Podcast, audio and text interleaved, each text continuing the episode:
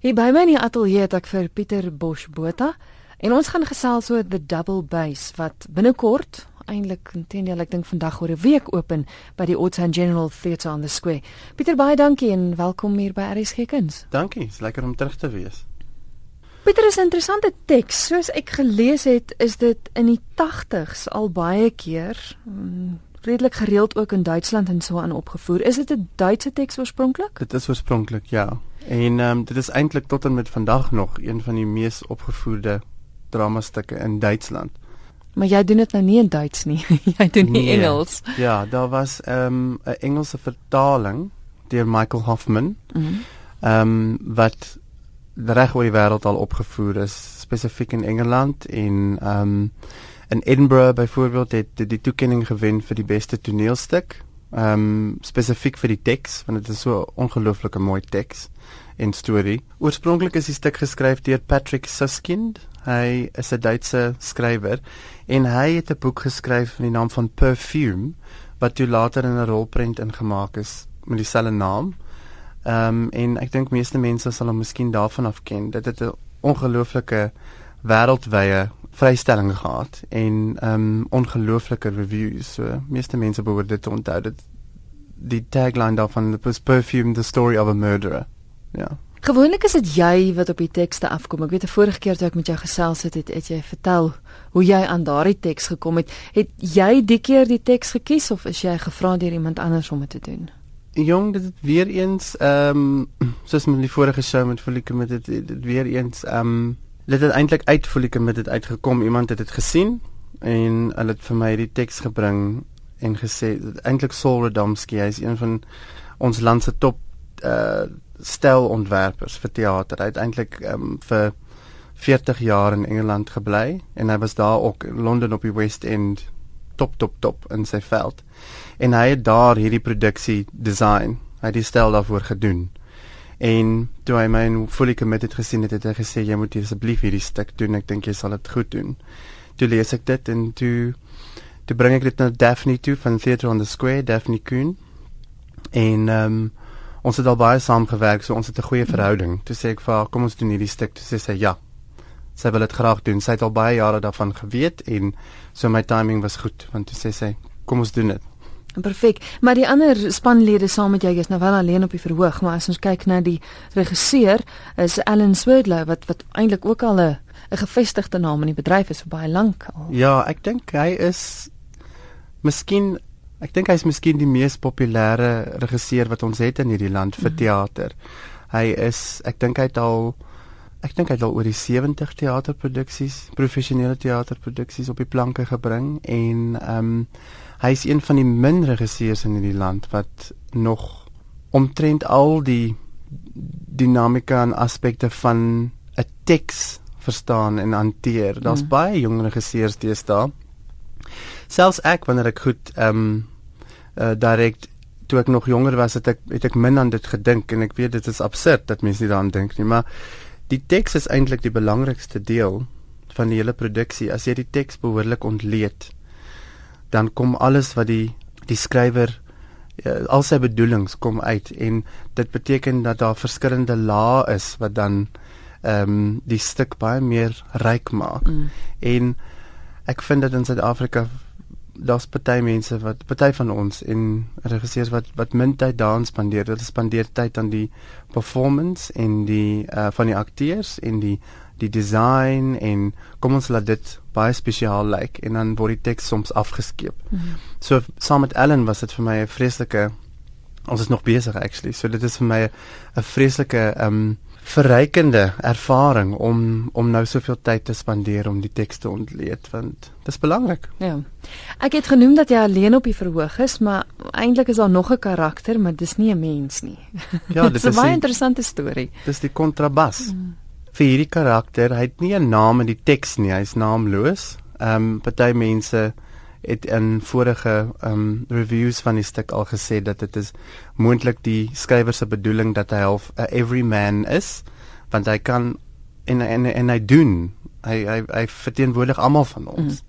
Maar ons het hom 'n naam gegee. Ons het hom 'n naam gegee met die naam van Stefan Wolf.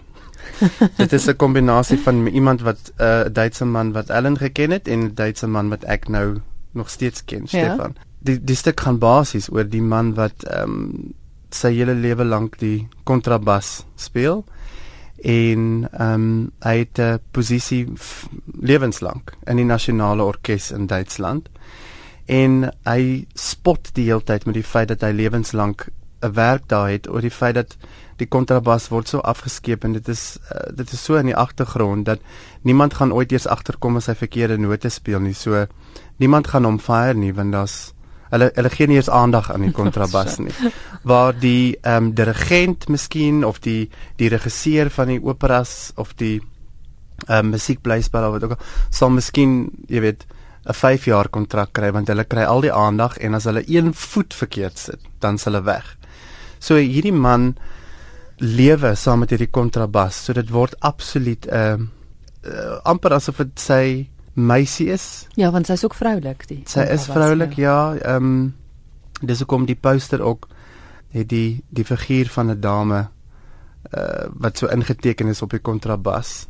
En hy hy is verlief op iemand in die stuk. Dit kom uit dat hmm. daar's 'n mezzo-sopran in die opera waarvoor hy oogies en maak en maar dit kom uit dat hierdie man is so hy het so min selfvertroue en ehm um, bravado so men sê dat hy die audience met money einde self besluit of hy eventually met hierdie vrou gaan praat of nie maar hy voel dat die kontrabas is so half 'n struikelblok vir hom om liefde te kan vind omdat dit al klaar daai plek gevat het in sy oh, lewe. So as ja. hy hy sê byvoorbeeld op 'n stadium as hy 'n meisie oorbring na sy plek toe dan dan voel dit vir hom soms asof die kontrabas in die hoek staan en vir hom lag, dan raak hy selfbewus.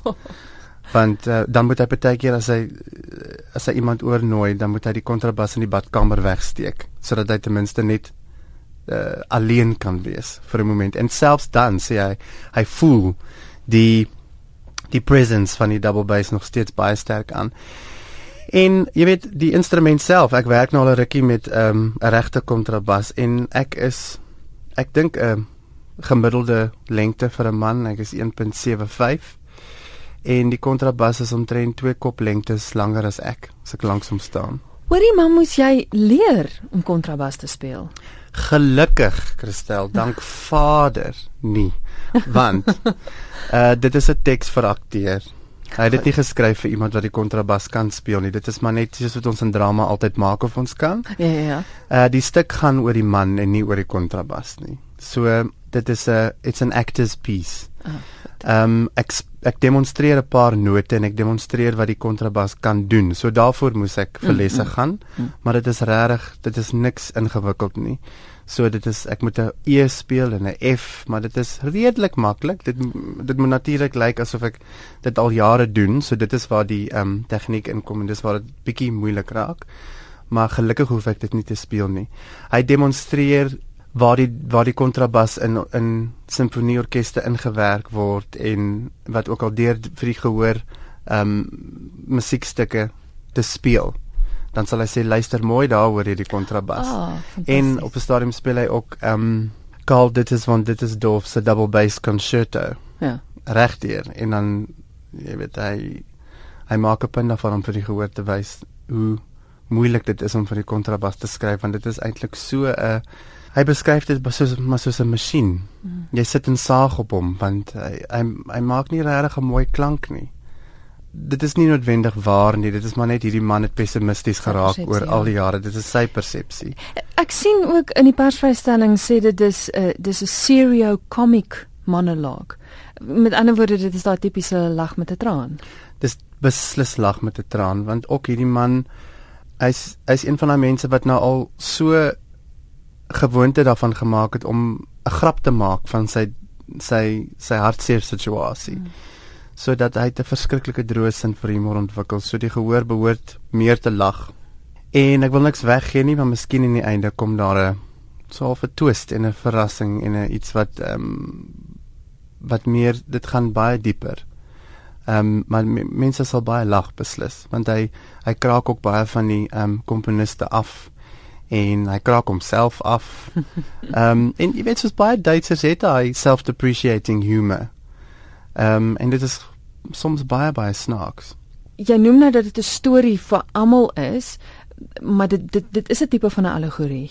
Ja, wat vir my uh waar ek aanklank gevind het met die teks toe ek dit gelees het, is die feit dat hierdie man verteenwoordig eintlik almal ehm um, in die samelewing in die sin dat ehm um, hy hy het 'n werk in die orkes wat vir hom 'n maandelikse salaris betaal en hy kry sy vakansies, sy verlof en hy kry sy staatspensioen aan die einde as hy lank genoeg daar gebly het.